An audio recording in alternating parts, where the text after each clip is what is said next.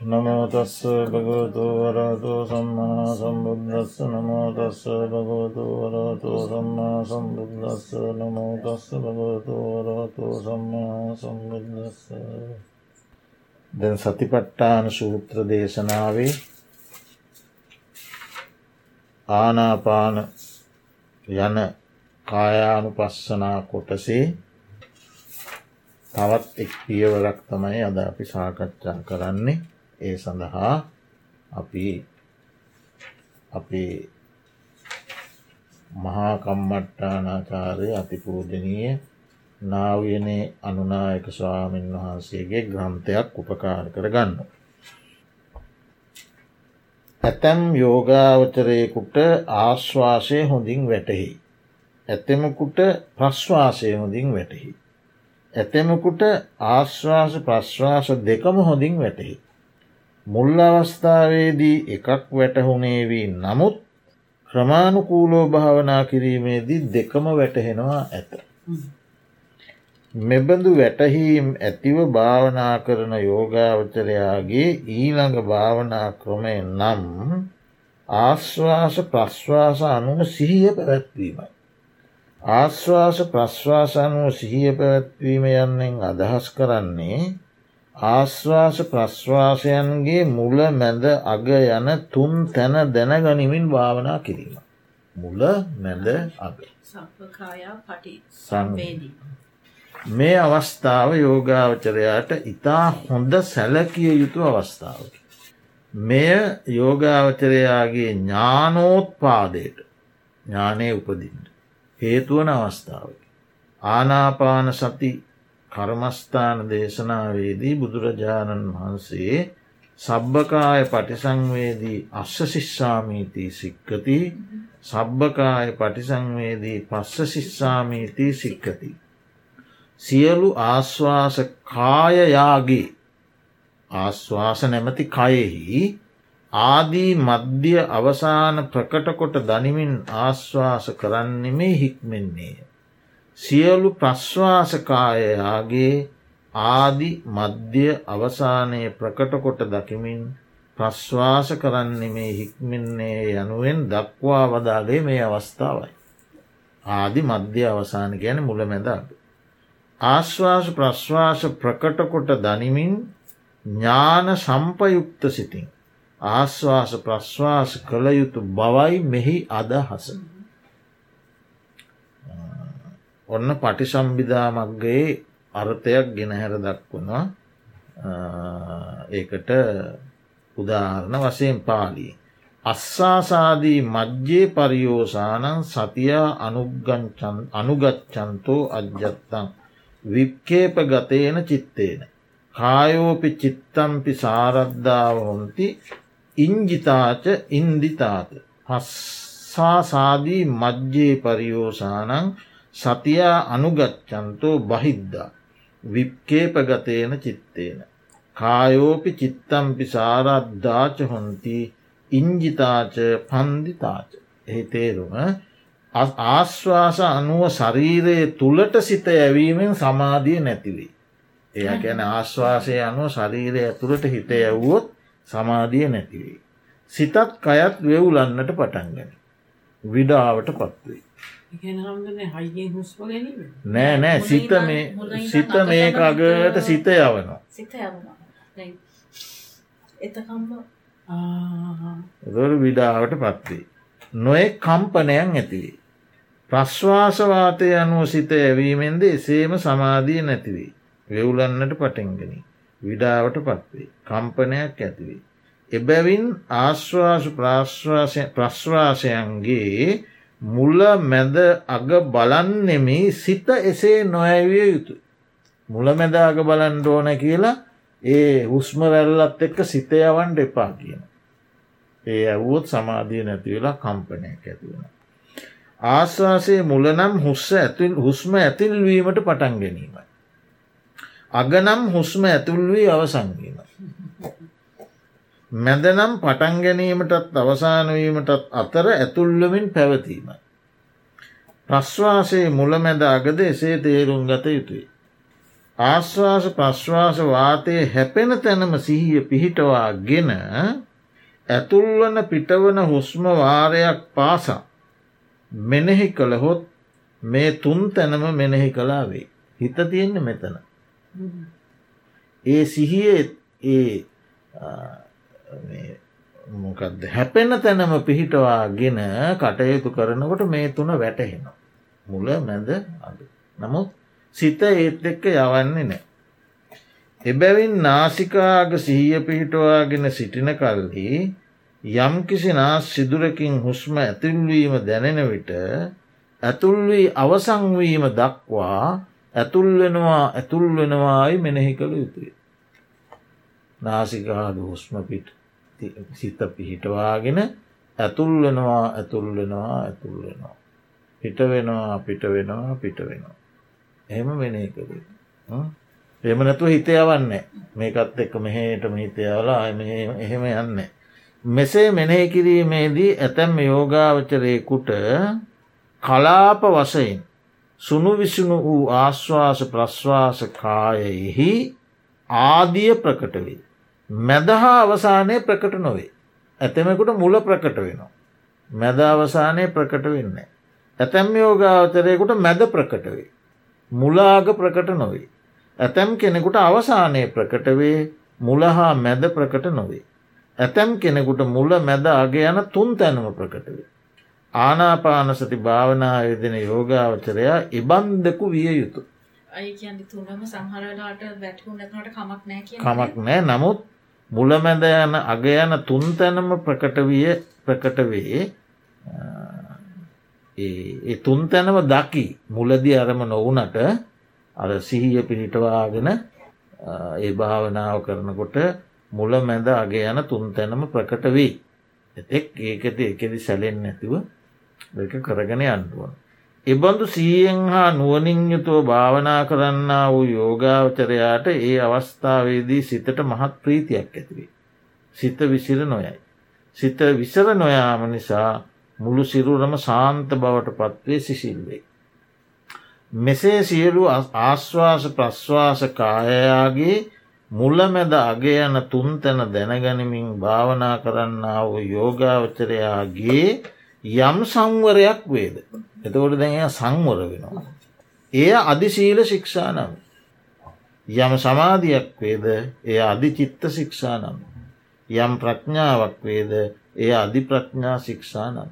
මෙය සබ්භකාය පටිසංවේදී අස්ස ශිස්සාමීතිී සික්කති සබ්භකාය පටිසංවේදී පස්ස ශිස්සාමීතිී සික්කතිී යනුවෙන් දේශනාකොට වදාළ ආනාපානසති භාවනාවේ තුන්වෙනි අවස්ථාවට පැමිණිම. මෙසේ කයත් සිතත් සංසිදුවමින්. යෙදෙන යෝගාවචරයාගේ ආශ්වාස ප්‍රශ්වාස භාවනාවට වාඩිවෙන අවස්ථාවේදීට වඩා බොහෝසයෙන් සංසිදී තුනීවී තුනීවී යන බව දැනෙන්නට වෙයි. ඉගැන භාවනාවට වාඩිවෙන අවස්ථාවට වඩා අස්වාස ප්‍රාශ්වාස දෙක තුනී වෙන බව දැනී යනවා දැනෙන්න්නට ඔව කියන්නේ සියුම් වෙනවා සියුම් වෙනවා තුනී වෙනවා. ඒ නිසා කයද සංසිදීයයි. මුලදීමෙන් කයට කිසි වෙහෙසක් මහන්සියක් විඩාවක් නොදැනේ. වේදනා හිරිවැටීම් නොදැනීයයි. ශරීරයට ශාන්ත ගතියක් සුවයක් ඇතිවේ. කය සිසිල්වේ. පවංගසන්නාක් මෙන් දැනේ. ශරීරයේ බොහෝ සැහැල්වේ. ඒ සමග සිතද ක්‍රමයෙන් සංසිදීයයි. සිතේ සංසිදීම නිසා ආශ්වාස ප්‍රාශ්වාසයද ක්‍රමයෙන් සංසිදීයයි. මෙසේ ක්‍රමයෙන් සංසිදී යන ආශ්වාස ප්‍රශ්වාස ඉතා සියුම් වී ඇති නැති බව පවා නොදැනෙන්නට වෙයි. සමහර විට හුස්ම ඇති බව නොදැනී මිනිට්ටු ගණනක් කෝ පසුවිය හැකි. මේ අවස්ථාවේදී ඇතැම් යෝගාවචරයන්ට හුස්ම නැතිවුණාදෝ කියා බය ඇතිවෙන්නටද පුළුවන්. භාවනාව වැරදිී ගියේ කියාද සිතෙන්න්නට පුළුවන්. හුස්ම නැති වූයේද නැත. භාවනාව වැරදුනේද නැත. බිය නොවිය යුතුය. භාවනාව නොනැවැත්විය යුතුය. නොනැගිටිය යුතුය. මෙය මේ ආනාපානසති භාවනාවේ ස්වභාවයයි. වෙනත් භාවනා වඩත් වඩත්ම අරමුණ ප්‍රකටව දැනේ. ආනාපානසති භාවනාව එසේ නොවේ. වෙන භාවනා වඩන්ට වඩන්ට අරමුණ ප්‍රකට වෙන. ආනාපානසතිය එසේ නොවේ. වඩ වඩාත් සිවුම් වේ. සිවුම් වෙන. මේ මෙසේ තේරුම් ගෙන සිහිනුවන උපදවාගත යුතු. සිහියෙන් නුවනින්ම ඉන්ඩුවන් සිවුම් වෙන. නාහම්භික්කවේ මුට්ටස්ස තිස්ස අසම්පජානස්ස ආනාපානසති භාවනං වදාමි මහනෙන මම නුවන නැති මුලාසිහි ඇත්තහුට ආනාපාන සතිය නොකියමී බුදුරජාණන් වහන්සේ වදාලේ මේ අවස්ථාව ගෙනයි. ඒ කියන්නේ මේ අවස්ථාවේදී අවශ්‍යමකක්ද සිහියයි නුවන. සිහියයි නුවන නැති කෙනෙකුට මම ආනාපාන සතිය දේශනා නොකරමිකිව. ඔවු ඒ කියන්නේ සිහි නෑ ඉගැන්නේ එකින් කියන්නේ සිහිනුවන සිහිනුවන දෙක තියෙන්ට ඕන කිය සිහිනුවන දෙක නැති කෙනෙකුට ආනාපාන සතිය කරන්න බෑ. එයා එතෙන්දී පැටලෙනවා. එයාට බායනවා නැති වුණා දානාපාන සතිය නැති වුණාද? කර්මස්ථානයේ වැරදුනාද මට මග වැරදුනාද ආචාරවරය වැරදිවට කියල දුන්නාද? ඇර නොයෙක් විතර්කයෙන්ට පුළුව. එනිසා සති සම්පජඥය තමයි වැදගත් වෙන්න සිහිනුවන. ඇත්තා වූ ආශ්වාස ප්‍රශ්වාස සිවුම් වූ බැවින් නොවැටහේ යයි සිහිනුවන උපදවා පළමුුවෙන් අස්වාස් ආශ්වාස ප්‍රශ්වාස වාතය ස්පර්ශ වූ නැහැය අග හෝ උඩුතොළ හෝ සිහිය පිහිටවාගෙන සිටිය යුතුය. නොදැනුනා කියලා එවැනි විතර්ක ඇති කර ගන්න ඇතුව නාසිකාග හෝ තොලාග සිහිය පිහිටවාගෙන ඉන්ඩ කියනවා. සුළුවේලාකින් ආශ්වාස ප්‍රශ්වාස ප්‍රකටෝ දැනෙන්න්නට වේ ආයක ප්‍රකට වෙන ඇතක. එවිට පෙර පරිද්දෙම මෙනෙහි කළ යුතු එතකොට ආය පටන් ගන්න පෙර මෙනෙහි කිරීම. එසේ මෙනෙහි කිරීමේදී නීවරණ යටපත්වේ. සිත ඉතා ශාන්තවේ. ප්‍රීතිය ඇතිවේ. මෙසේ ඇතිකල්ලි භාවනා නිමිති පෙනෙන්න්නට වේ. ඒ නිමිති සියලු දෙනාටම එක සමාන නොවේ. සංඥා නානත්වේ නානාවිදවේ. පුද්ගලයා හඳුනාගන්නා පුද්ගල සංඥා වෙනස්නේ එතකොට නිමිතිත් නානාවිදයි. නිමිත්ත නම් ආශ්වාස ප්‍රශ්වාස වාතය බව තේරුම් ගත යුතුය. ඒ කිසිවෙකුට සුව පහස් ගෙන දෙන පුළුම් ගොඩක් හැපි හැපී තිබෙන්නාක් මෙන්ද. මීදුමක් මෙන්ද රිදී පොටක් මෙන්ද පෙනෙන්ට වේ. තවත් කෙනෙකුට තරුමෙන්ද මිනිකට මිනිවැල් මුතුවට මුතුවල් මෙන්ද සඳමණ්ඩල හිරුමණ්ඩල මෙන්ද පෙනෙන්ට වේ. මල්දමක් රෝධයක් දුම්පටලයක් මෙන්ද පෙනෙන්න්නට පුළුවන්. මේ වනාහි ආනාපන්න සති භාවනාවේ උද්ගහ ප්‍රතිභාග නිමිති පහළවීම් බෝ තේරුම් ගත යුතුය. උද්ගහ නිමිත්ත ඈත්ම ඇත්වමින්ද උස්පහත්වමින්ද සෙලවිමින්ද ඇති බව පෙනෙන්න්නට වේ. ප්‍රතිභාග නිමිස්ත නිශ්චලවද ප්‍රපාස්වරද වේ.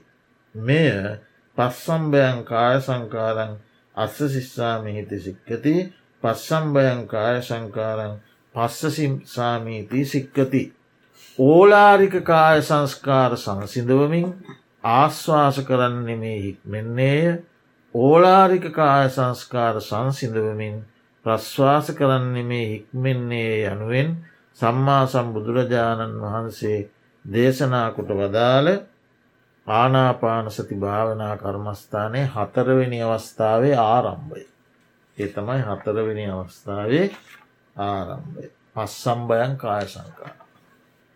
මෙහි ආශ්වාස අරමුණු කොට ඇති සිත අනෙකක් බවද ප්‍රශ්වාස අරමුණු කොට ඇති සිත අනෙකක් බවද නිමිත්ත අරමුණු කොට ඇති සිත අනකක් බවද මේ ධර්ම තුන නැත්තහුගේ කර්මස්ථානය අර්පනාවට හෝ උපචාරයට හෝ නොපෙනෙන බවද මෙම ධර්මතුන ඇත්තහුගේම කර්මස්ථානයේ උපචාරයට හෝ අර්පනාවට හෝ පැමිණෙන බවද පටිසම්බිධාමක්ග ආනාපානසති කතායෙහි මෙසේ දක්වා තිබේ. එට පාලි කොටස ඒ එතකොට දැන් සිත අස්වාසය අරමුණු කරන සිතාන එක ආශ්වාසය ප්‍රශ්වාසය අරමුණු කරන සිතාන එක නිමිත් අරමුණු කරන සිත ද නිමිති වැටහෙනවාකිව නිමිති අරමුණු වෙන සිත අනෙක එක එක සිත්වලින් මේ කාර්යන් වෙන්නේ එහෙම දැක්කම තමයි උපචාර සමාධියයට සහ අරපනා යන ධ්‍යාන තත්ත්වයන්ට සිත පත්වෙන්න පුළුවන්. එහෙම ඒ ඒ අවබෝධය නැති කෙනාට උපචාරය අර්පනාව ඇතිවෙන්නේ නෑ. සිත්වල වෙනස් ස්වභාවය. ඔය ඒක තමයි එතෙන්දේ හතරවෙනි පියවර. මේ දියුණුවට යන භාවනා මාර්ගයේ සන්ධිස්ථානයක. ආනාපාන සති සන්ධිස්ථානයක් වේ. යෝගාවචරය මේ හොඳින් තේරුම් ගෙන තිබියද. ආනාපානසති භාවනාව ආරම්භයේදීද ආශ්වාස ප්‍රශ්වාස අරමුණු මෙනෙහි කළේ පුසන වශයෙන් හා අනුබන්ධන වශයෙන් එකන ගණන් කිරීමෙන් හෝ ස්පර්ශය. ඒ අනුව මනස්කාර පැවැත්වීම දැන් යෝගාවචරයට අපහසු විය හැකි. ආශ්වාස් ප්‍රශ්වාස හැපෙන තැන හෝ අනුබන්ධන සංඛ්‍යාත මුලමැදාග හෝ පෙරමෙන් අප්‍රකට විය හැකි. දැන් හැපෙන තැනයි මුලමැදාගයි අප්‍රකටයි. ඒ ප්‍රකට කරගනිමේ උත්සාහ කළොහොත් වර්තමාන භාවනා නිමිත්තෙන් සිත බැහැරවෙයි. එසේම යෝගාවචරය වෙහෙසටද පත්වේ. ලත් සමාධියද නැතිවී. එබැවින් පුසන වසයෙන් වූ අනුබන්ධන වසයෙන් හෝ මෙනෙහි නොකොට නිමිත්ත හිම සිත තබාගත යුතු. දැන් අර නිමිති දකිනවාගේ. පුළුන් නොදක්කෝ මැනික්කවෝ පලිගු හෝ එම නිමිති වැටහෙන. ඒ නිමිත්තෙහි සිත තබාගතය. ඒ වනහයි ටපන වශයෙන් භාවනා කිරීම. ඒක තම ටපන භාවනාව. පුසන අනුබන්ධන පුසන ටපන අනුබන්ධන ගණන් කිරීම. පුසන ස්පර්ශ වෙන තැන. ටපන කියන්න මෙ නිමිත්ත. දකින වාලෝකත් කිව්වන. ආලෝක වසේ මීදුමක් රිදීපොට එක එක්කනට එක එක විදිහට. තරු මිනිකට මිනිවැල් මුතුවයට මුතුවල් සඳ මණ්ඩල හිරු මණ්ඩල. එක තමයි ටපන. ඒ වනාහි ටපන වශයෙන් භාවනා කිරීමේ. නිමිත්තෙහි සිහිය පිහිටවාගෙන සිටින විට ආශ්වාසවාතයද ප්‍රශ්වාසවාතයද නිමිත්තද යන ධර්ම තුන කෙරෙහිම යෝගාවතරයක සිහිය එළඹ සිටියාවේ. එය ඉහතින් දක්වන පටිසම්බිධා මග්ග දේශනාව සංසන්ධනය වේ. පටිසම්බිධාදි කිව්වනේ මේ තුනම දන්නේ නැති කෙනා ආශ්වාසසිත ප්‍රශ්වාසසිත නිමිත්තේ සිත. ඒ තුනම දන්නේ නැති කෙනා උපචාරයට අර්පනාවට එන්නෑ කියලා දැන් නිමිත්තට සිත තබාගෙන භාවනාව දිගට කරගෙන යනකොට එයාට අස්වාස් ආස් දැන් එයා එයාට දැන් නිමිත්ත දැක්කහම ආශ්වාස ප්‍රාශ්වාස ටපන හෝ අනුබන පුෂණ හෝ අනුබන්ධන දෙක නොවැටිහි යන්න පුළුව. එතෝට එයා ඒක හොයන්ට කියොත් මේක නැතිෙනවා. දැන් එය කලබලවෙන මේක ආමොකද නැත්තිද දැනෙන් නිර්ණය මොකුත්න ඒ දැයක හොයන්ට යන්න ඇද. දැ මේක සිත පිහිටවාගෙන මේ නිමිත්තේ සිත පිහිටවාගෙන භාවනාව කරගෙන යනකොට මේක වැටහෙන. සිත පිහිටවාය යුත්තේ ප්‍රතිභාග නිමිත්තෙහි. නුවනැති යෝගාවචරය ආශ්වාස් ප්‍රශ්වාස නාන ප්‍රකාරයෙන් ප්‍රකට කෙරමින් හෙවත් ඕලාරික ආශ්වාස ප්‍රශ්වාස සංසිඳෝමින් එහිලත් ප්‍රතිභාග නිමිත්තේ සිත පිහිටෝමින් සිය සිත ක්‍රමයෙන් අර්පනාවට පමුණුවන්නේ.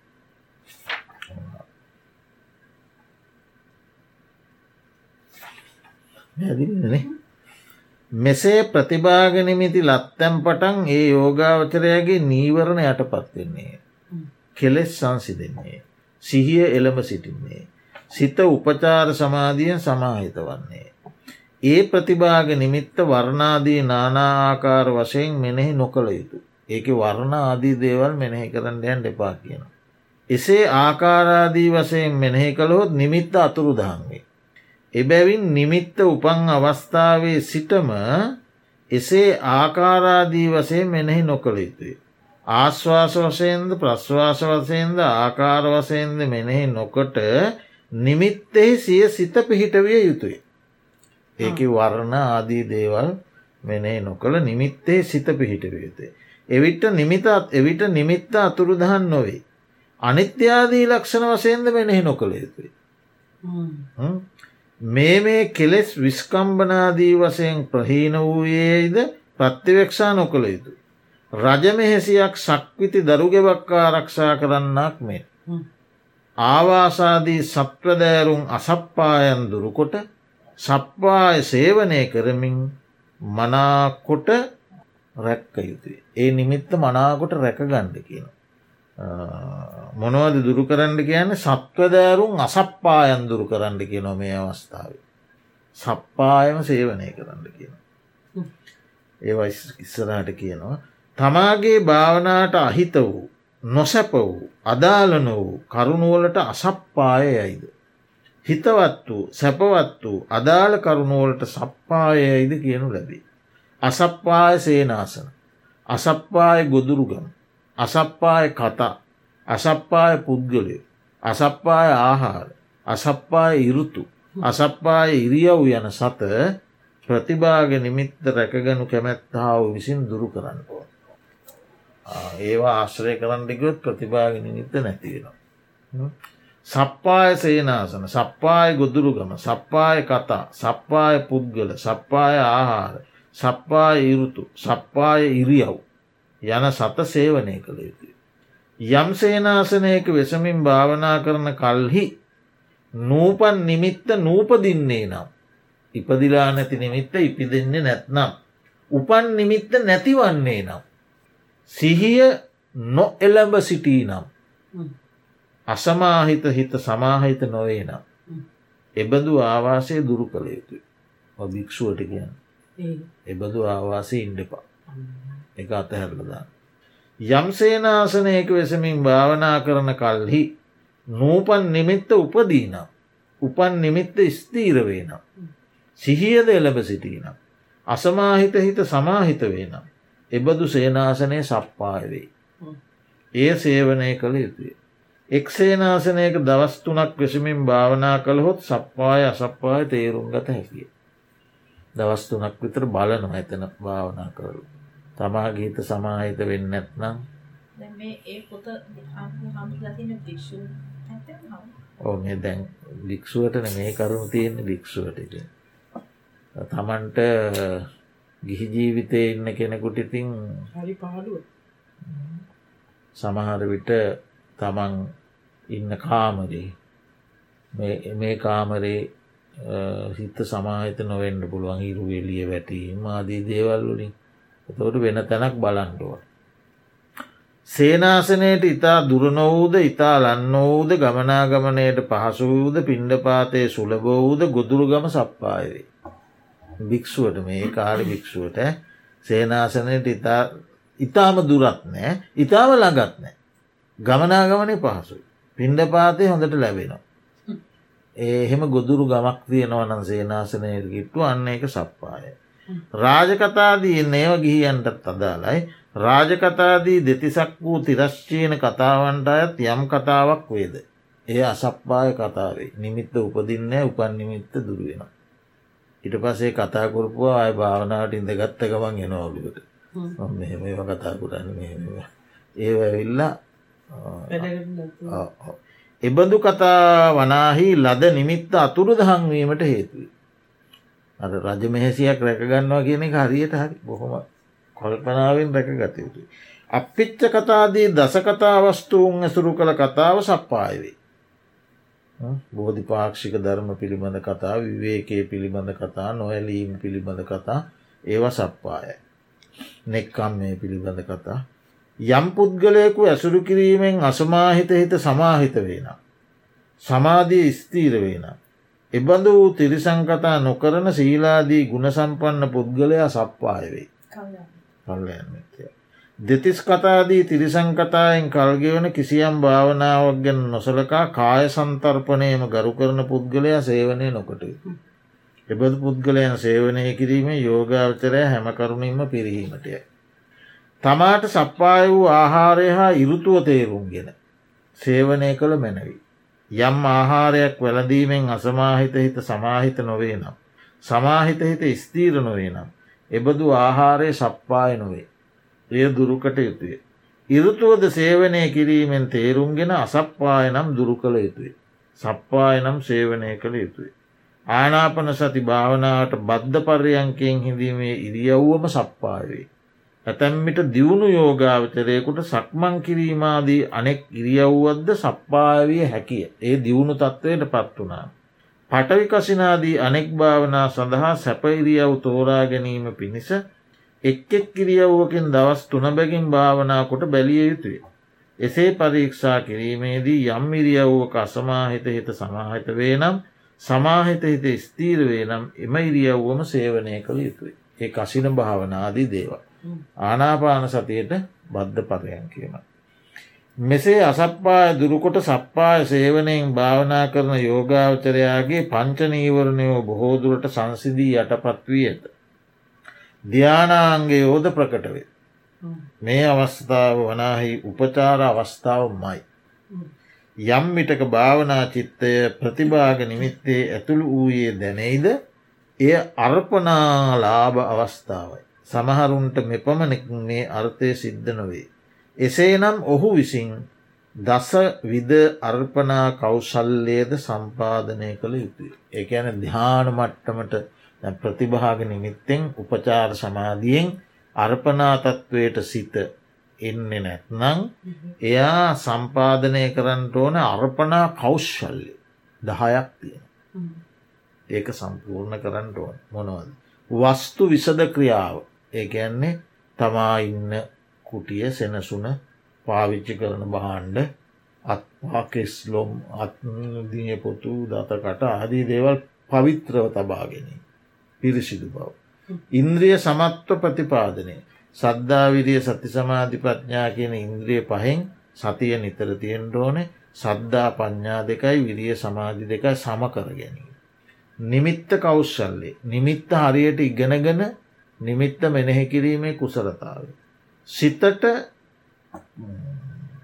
ප්‍රග්‍රහ කළ යුතු කාලේ ගැන සිත ඔසවා තිබිය යුතු කාලේ සිත ඔසවාතවීම. සිතට නිග්‍රහ කළ යුතු කාලයේ සිත නිග්‍රහ කිරීම. සිත සතුටු කළ යුතු කාලයේ සතුටු කිරීම. සිත උපේක්ෂා කළ යුතු කාලයේ උපේක්ෂා කිරීම. අසමාහිත පුද්ගලයන් පරිවර්ජනය කිරීම. සමාහිත පුද්ගලයන් සේවනය කිරීම. තදදි මුත්ති. තදදි මුත්ති කියන්නේ යානාපාන සති නිමිත්තටම නැමුණු නැබුරු වූ සිත ඇති. ඔන්න ඔය දහයි. මේ දසවිධ අර්පනා කෞසල්ලේ සම්පාධනයෙන් හා වීර්ය සමත්වයෙන් යුත් යෝගාවචරයා නොබෝ කලකින්ම අර්පනා ලැබ.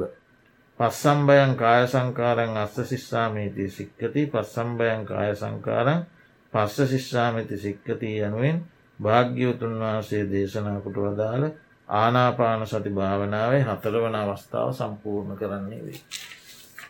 සතිපට්ටාන සූත්‍රය එච්චරයිනේ තින් තවස්ථාවත් තියෙන බල බල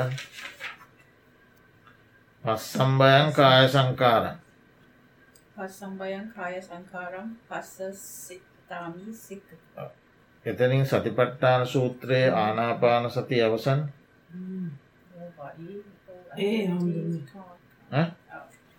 අර අර අනිත්තර ආනාපාන චිත්ත වේදනා ඒවට යන්නේ අර අර මොකද ආයක ඒවා තිය බමකාරෝවා බමකාරන්තේවා සිවා ඒවතිය අර හැරෙනකොට ඒක නේද හඳුනන්නේ? හැරෙනකොට? එතන උපමාවක් කියන ආ හොඳයි. උපමාවක් පැහැදිලි කරනවා. දිගම්බ අංච අංච අංචන්තෝ මහා සතිපට්ඨාන දීගන්වා අංජහන්තෝ.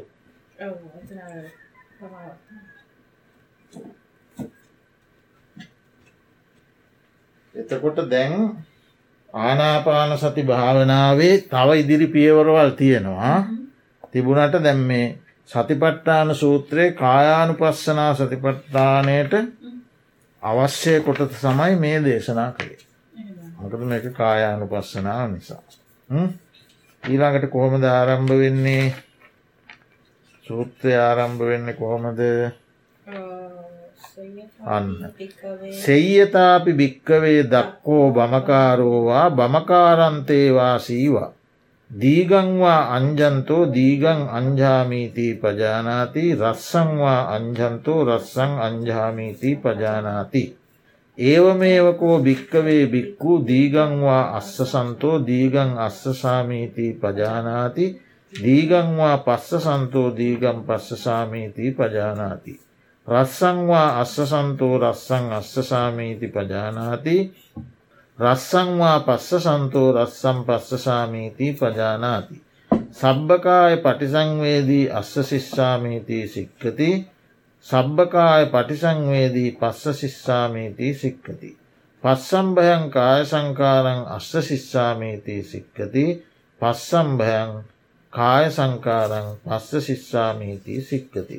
ඉති අජ්ජත්තංවා කායේ කායානු පස්සී විහරති බහිද්ධාවා කායේ කායානු පස්සී විහරති. අජ්ජත්ත බහිද්ධාවා කායේ කායානු පස්සී විහරති. සමුදය දම්මානු පස්සීවා කායස්මින් විහරති වයදම්මානු පස්සීවා කායස්මින් විහරති. සමුදය වයදම්මානු පස්සීවා කායස්මින් විහරති.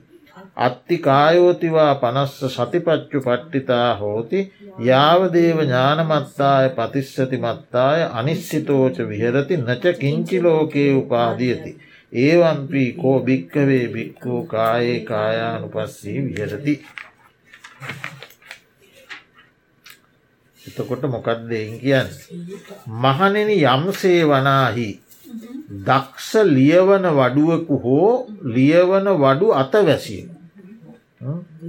එකන දැවබාණ්ඩ ලියවන පට්ටලයක ලියවන වඩුවා. වඩුවගේ නම මොකක්ද එතන කියන්න ඒ ඒ නෑ එතන මේ පාලිවලින් ඒ මොකක්ද බමකාරෝවා බමකාරන්තේවාසීවා. එයා ලොකු දැවබාණ්ඩයක් ලියවන විට දිගටාදින් දෙපේ දැවබාණ්ඩය ලියවන උපකරණය දිගටාදින්න දිගටාදින්න ඕන. දැවබාණ්ඩි ලොකු නිසා. එතකොට එයා ලොකු දැවබාණ්ඩයක් ලියවෙනකොට දිගටාදින්නේ නම් දිගටාදිමී දැනගනී. කුඩා දැව බාණ්ඩයක් ලියවෙන විට කෙටියෙන් අදින්නේ නම් කෙටියෙන් අදිමේ දැනගනි. හරි ඒක තමයි උදාහරණ උපමාව. මහනෙන එසේම වනාහි යෝගාවචර තෙම දීර්ඝාශ්වාස ගන්නේ නම් දීර්ඝාශ්වාස ගනිමින් නුවනින් දැනගනි. දීර්ඝ පශ්වාස හෙලන්නේ නම් දීර්ඝ පශ්වාස හෙළමී නුවනින් දැනගනි. කෙටි ආශ්වාස ගන්නේ නම් කෙටි ආශ්වාස ගනිමින් නුවනින් දැනගනි. කෙටි ප්‍රශ්වාස හෙලන්නේ නම් කෙටි ප්‍රශ්වාස හෙළමී නුවනින් දැනග. අර අර ලියවන වඩුවා වගේ. ඉතුර හාමුදුන මේ ඔක්කොම එකටද වෙන්නේ? ආනාපානය සතිය වඩනකොට මේ ඔක්කොම මේ මේ මෙනෙහි කරන්න ඕන එකටම? දිග උස්මක් ගන්නකොට එක දැනගන්න ඕන දිග උස්මක් කෙටි උස්මක් ඒ ඒ හුස්ම ඒ වැටෙන අවස්ථා අනුව ඒ අවස්ථාවට අනුව බලන හුස්ම දීර්ගනන් දීර්ග වශයෙන් දැනගන්න කෙටිනම් කෙටි වශයෙන් කෙටිනම් කෙටි වශයෙන් දැනගන්න සබ්භකාය නම් වූ සියලු ආශ්වාස සමූහය මුලමැදාග සම්පූර්ණයෙන් දැනගනිමින් ආශ්වාස ගන්නෙමේ සිහිනුවනින් පුහුණුවේ. සබ්භකාය නම් වූ සියලු ප්‍රශ්වාස සමූහය මුලමැදාග සම්පූර්ණයෙන් දැනගනිමින් ප්‍රශ්වාස හෙලන්නෙමේ සිහිනුවනින් පුහුණුවේ. කාය සංකාර නම් වූ ආශ්වාස සංසිඳවමින් ආශ්වාස කරන්නෙමේ සිහිනුවනින් පුහුණුවේ. කාය සංකාර නම් වූ ප්‍රශ්වාස සංසිඳවමින් ප්‍රශ්වාස කරන්නෙමේ සීනුවනින් පුහුණුවේ අර අර කලින් කිව්ව ටික මෙතන මේ උපමාවෙන් පස්සේ නැවත ඒ ටික කිය ආය කියනවා. ඒ උපමාවෙන් පැහැදිලි කරන බුදුහාදුරුන්ගේ දේශනා ක්‍රමයක්. යම් කිසි දේශනාවක් කරලා ඒකට උපමාවක් කියන. ඊට පස්සේ උපමාවට අනුව අර දේශනා කරපු ටිකම නැවත එසේ කියලා. මෙන්න මේ විදිහට කියලා අය නැවත කියලා. මෙම දේශනාව කරනවා. මෙන්න මේ විදිහටයි මහණනි කියලා නැවත ආර්ථික දේශනා. ඒක උව දේශනාවල තියෙන දෙයක්. මේ මෙතන විතරක් නෙමේ බොහෝ දේශනාවල නැවත දේශනා කර ඒක තමයි. ඒ නැවත පැහැදිලි කරනවා. මේක මුල්ල පැහැදිලි කලා ඒක තව තහවුරු කරන්න ගෙනවා උදාහරණයක්. ගෙනල්ල උපමාවක් ගෙනාව. ගෙනල්ල නැවත අර කියපු ටික නැවත මෙන්න මේ වගේ ඒක කියනවා. එතවට ඒටික ඒ විදිහට යන්නේ. අර මුල් දේශනාවේ අපි ඉගෙන ගත්ත ටිකමයි. ඊළඟට වෙනස් තවයි අමුතු ටිකක් එකතු වෙන. ඒ ටික හැම හැම තැනටම දාන්නෙත් ඒක හිද මේ ඒ අර ඉජී ඊට පස්සේ ඊට පස්සේ එනවා. ඒ හැම භාවනා කර්මස්ථානයක්ම ප්‍රගුණ කිරීමෙන් ලැබෙන ප්‍රතිඵලයක් තියෙනවා. ඒ ආනාපාන සතියෙන් විතරන්නේ දැන් ඒකට හොඳම උදාහරණය දැන් සමහර කෙනෙක් කියනවනේ ආනාපාන සතියෙන් විතරයි මේක කරන්න පුළුවන් කිය. එහෙම අදහස් කරන ඉන්නවන් ඒක සතිපට්ටාන සූත්‍ර ඉගෙන ගන්නකොට හොඳට පැදිලි වෙනවා මෙන්න මේ මේ දැන් අපි ඉගෙන ගන්න කොටස හැම්ම කර්මස්ථානයකට පොද හැම එකම තියෙනවා. මොකක්ද ඒ ඉති අජ්ජත්තංවාකායේ කායානුපස්සී විහරති. ඔන්න දැන් එයා දැන් එයා මේ කියපු විදිහට අර අපි ඉති මුලින් ඉගෙනත් ක්‍රමයට දැම් භාවනා කරගෙන ඇවිල්ලා දැන් උපචාරාර්පනා මට්ටමට ඒ තත්ත්වයට සිත ඇවිල්ලා දැන් එය ආනාපාන සතිය අර අර අවස්ථා හතරක් අපි හතරවෙනි අවස්ථාව දක්වා ඉගෙන ගත්තනේ ඒ ක්‍රමයට කරගෙන නවා. ආවම දැන් ඔන්න එයා මෙසේ. අජ්ජත්ත නම් වූ තමන්ගේ සන්තානයේ අස්වාස් ආශ්වාස ප්‍රශ්වාස නම් වූ කය අනුව.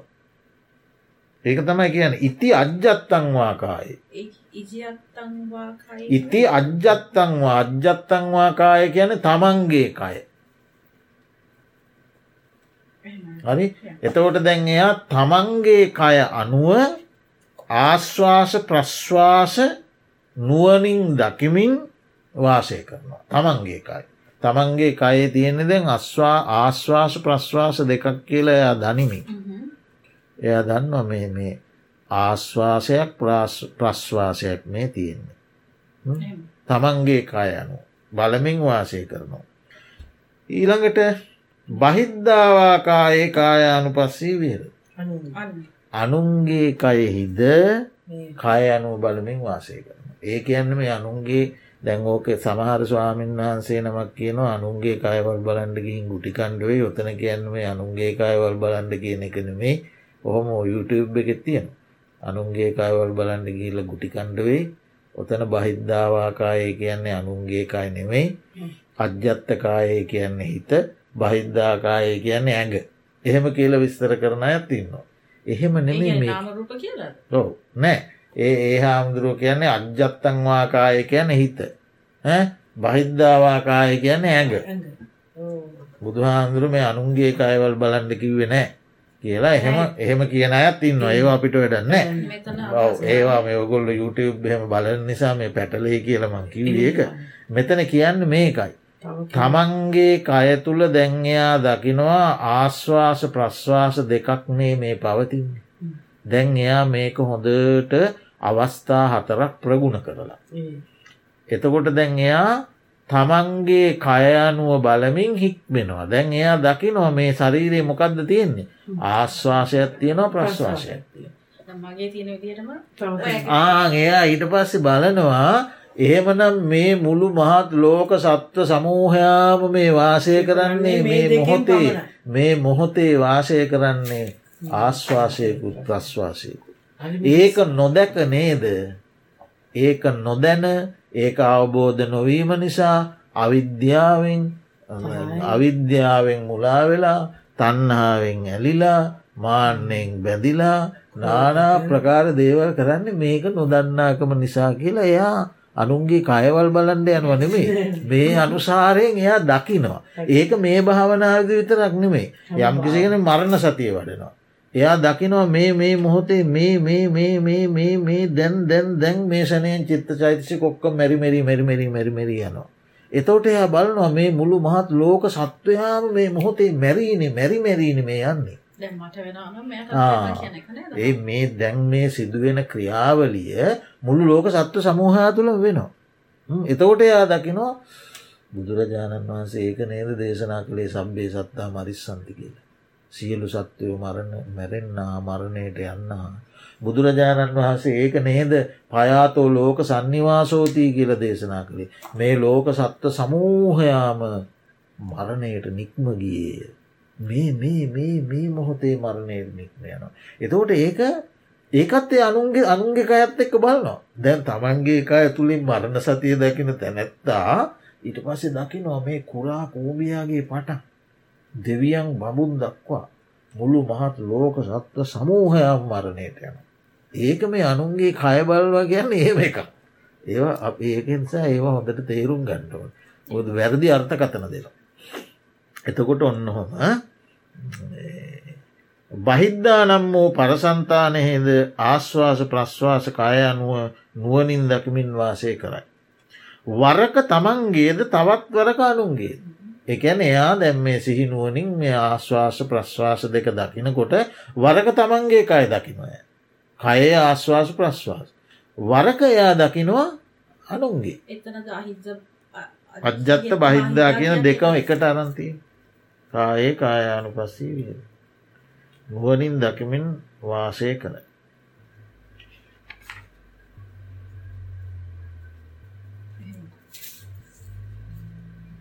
ඊළඟට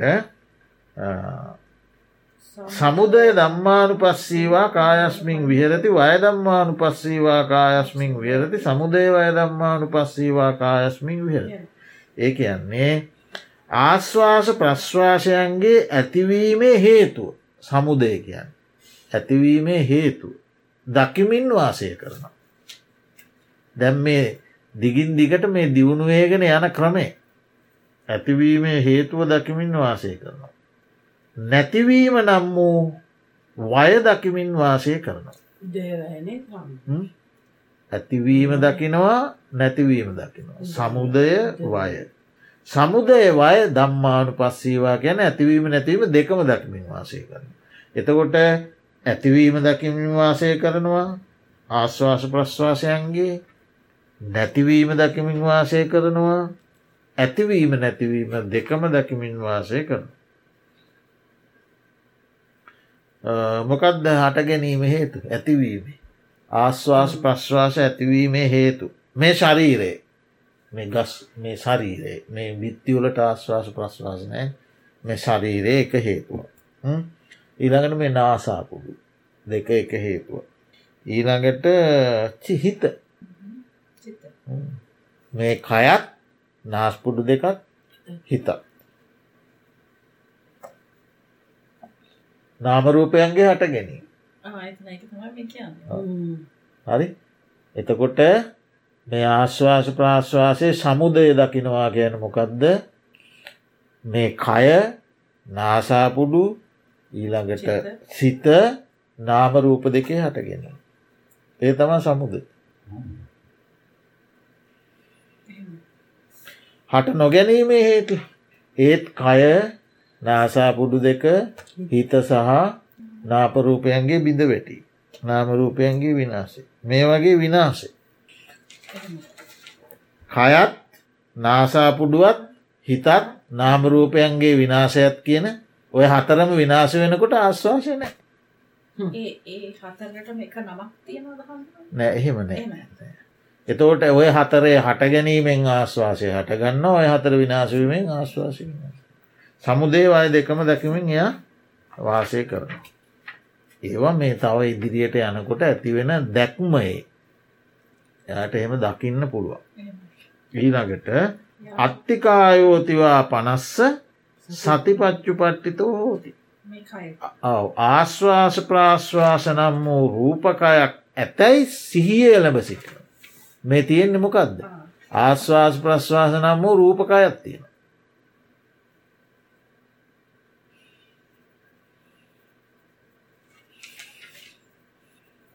තවත් විදිහකින් කිව්වොත් මමය මගේ මගේ ආත්මයාදී වසයෙන් ගත නොහැකි නිරන්තරයෙන්ම වෙනස් වී යන්න වූ අනිත්‍ය දුක්ක අනාත්මන ලක්ෂණත්‍රයට අයත් අස්ව ආශ්වාස ප්‍රශ්වාස නම් වූ රූපකඇත් තිලක්කනයට එනවා. එතකොට එයා සත්ව පුද්ගල සංඥාවෙන් නෙමේ එයා බලන්. හරි හැම මොහොතකම අනිත්‍ය දුක්ක අනාත්ම ලක්ෂණත්‍රයට යටත් වූ ආශ්වාස ප්‍රශ්වාස නම් වූ රූපකයක් තියෙනවා කියලා යායට සිහිය එළඹ සිටිනවා. යාවදේව ඥානමත්තාය ආන්න ඒ සිහිය මතුමත්තෙහි විදර්ශනාඥාන පිණිසද. ඒ යාවදේව නම්ම ඥානමත්තා මතුමත්තෙහි විදර්ශනාඥාන පිණිස.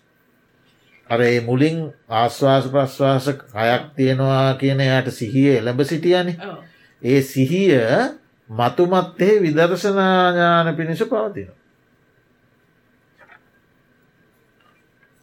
යාවදේව ඥාන මත්තාය කියන්නේ එක. යාවදේව ඥානමත්තාය මතුමත්තෙහි විදර්ශනා ඥාන පිණිස. ඔව විදර්ශනාඥ කෙලින්ම විදර්ශනා ඥාන පිණිස. එතන ඥාන කියන්න විදර්ශනාඥාන. යාවදේව ඥානමත්තාය හරිද. එහෙම පතිස්සති මත්තාය. නැවත නැවතත් නැවත නැවතත් මතු මත්තේ සති පතිස්සති ඔව්. සති ඉපදීම පිණිස. කියන විදර්ශනා සම්ප්‍රයුක්ත සිහියේ කියන්නේ දැම් විදර්ශනා ඥානයක් ගැන මෙතන කිව්වන් ඉස්සරල එතවට මෙතන සති කියන්නේ විදර්ශනා ඥානයත් එක්ක එකට බැඳුණු සති. එතන කියන්න මොකක්ද සති පඥා දෙක සති සහ ප්‍රඥා කියන්න.